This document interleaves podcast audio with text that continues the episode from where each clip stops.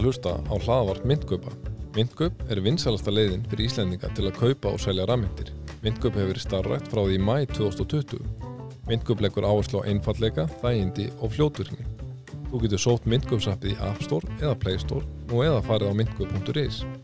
Skráningaferðli er einfalt, þú einfalla skráir þið með rafrænu skilíkjum, leggur inn pening og getur keiftir bitcoin á örfáum mínútum og bæst hann í hóp fyrir en 12.000 íslendinga til að velja myndgöp sem leiðina inn í hinn spennandi heim rafmynda. Komið í sæl, kæra lusendur, og velkomin í hlaðvart myndgöpa. Í þættinum í dag ætla ég að fjalla um dóm sem fjall í bandaríkjónum í New York hinn 13. júli síðastliðin.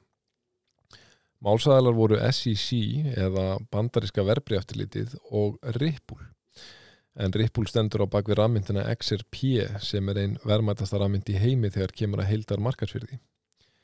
Fyrir þá sem hlustuðu og muna var einmitt fjallað um lögsóknir SEC gegn Binance og Coinbase en sakarni þeirra mála er að ákveðnuleiti sambarileg.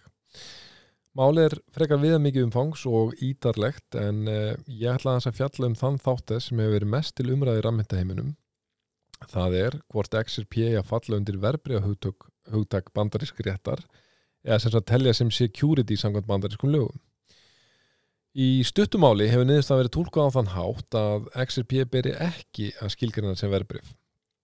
Niðurst að dómar sem hennan lið virðist þó ákunum fyrirvörum háð en orðrétt segir í dómnum að XRP is not necessarily a security on its face.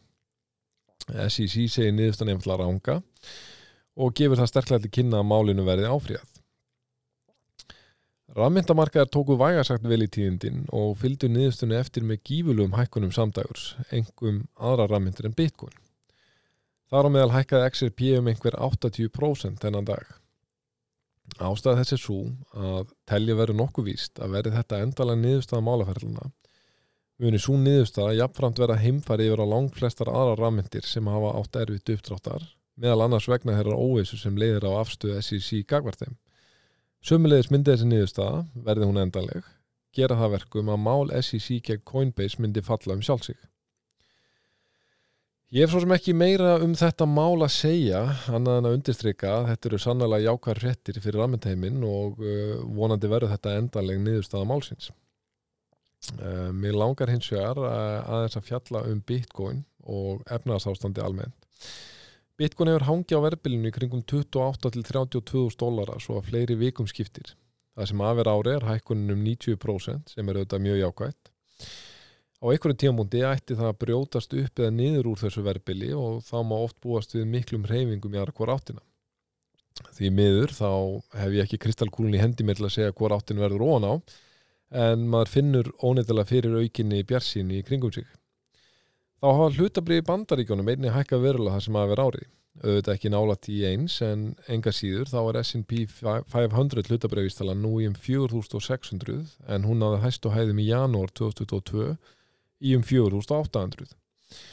Ég er ekki einn um það að ég er erfitt með að skilja þessar hækkanir í kjölfar þrálátra stýrivarthækkan í bandaríkjónum. Þetta hefur komið langflestum greiningaræðalum á óvart og hafa margir bent á að það sé varhugavert við nánari aftugun að þessar hækkanir skýrist engum að miklum hækkunum einstakra stóra fyrirtækja vísitölunar. Það þurfi því ekki mikið út að bregða til þess að þessar hækkanir myndu ganga tilbaka. Talandi um stýrivarthækkanir þá hækkaði Sælabanki í bandaríkjana stýrivert á miðugudaginn um 0,25% eða 25 punta og standaði nú í 5,25 til 5,5%. Þráttur að hafa náð miklum árangur í barðningin verbulgunni en hún stendur nú í um 3% eftir að veri um 9% í fyrra gaf bankin til kynna á bladamannafundunum að vænta mætti frekari hækkana. Greiningaræðalar búast flestir hverjir við einni 25 punta hækkunni viðbót og að það verði loka hækkunum þar til að byrja að snúa við og byrja að lækka stýravexti. Það verður fróld að sjá hvernig þetta spilast út því að eins og við höfum fengið að kynast þá hafa stýravextir í bandaríkjónum heilmikið að segja um verðþróun bitcoin þannig að bitcoin er, er sannlega ekki, ekki óháð þessum öflum eins og við höfum margótt komið inn á En uh, það var ekki fleira að sinni, þánga til næst, uh, verið sæl og takk fyrir.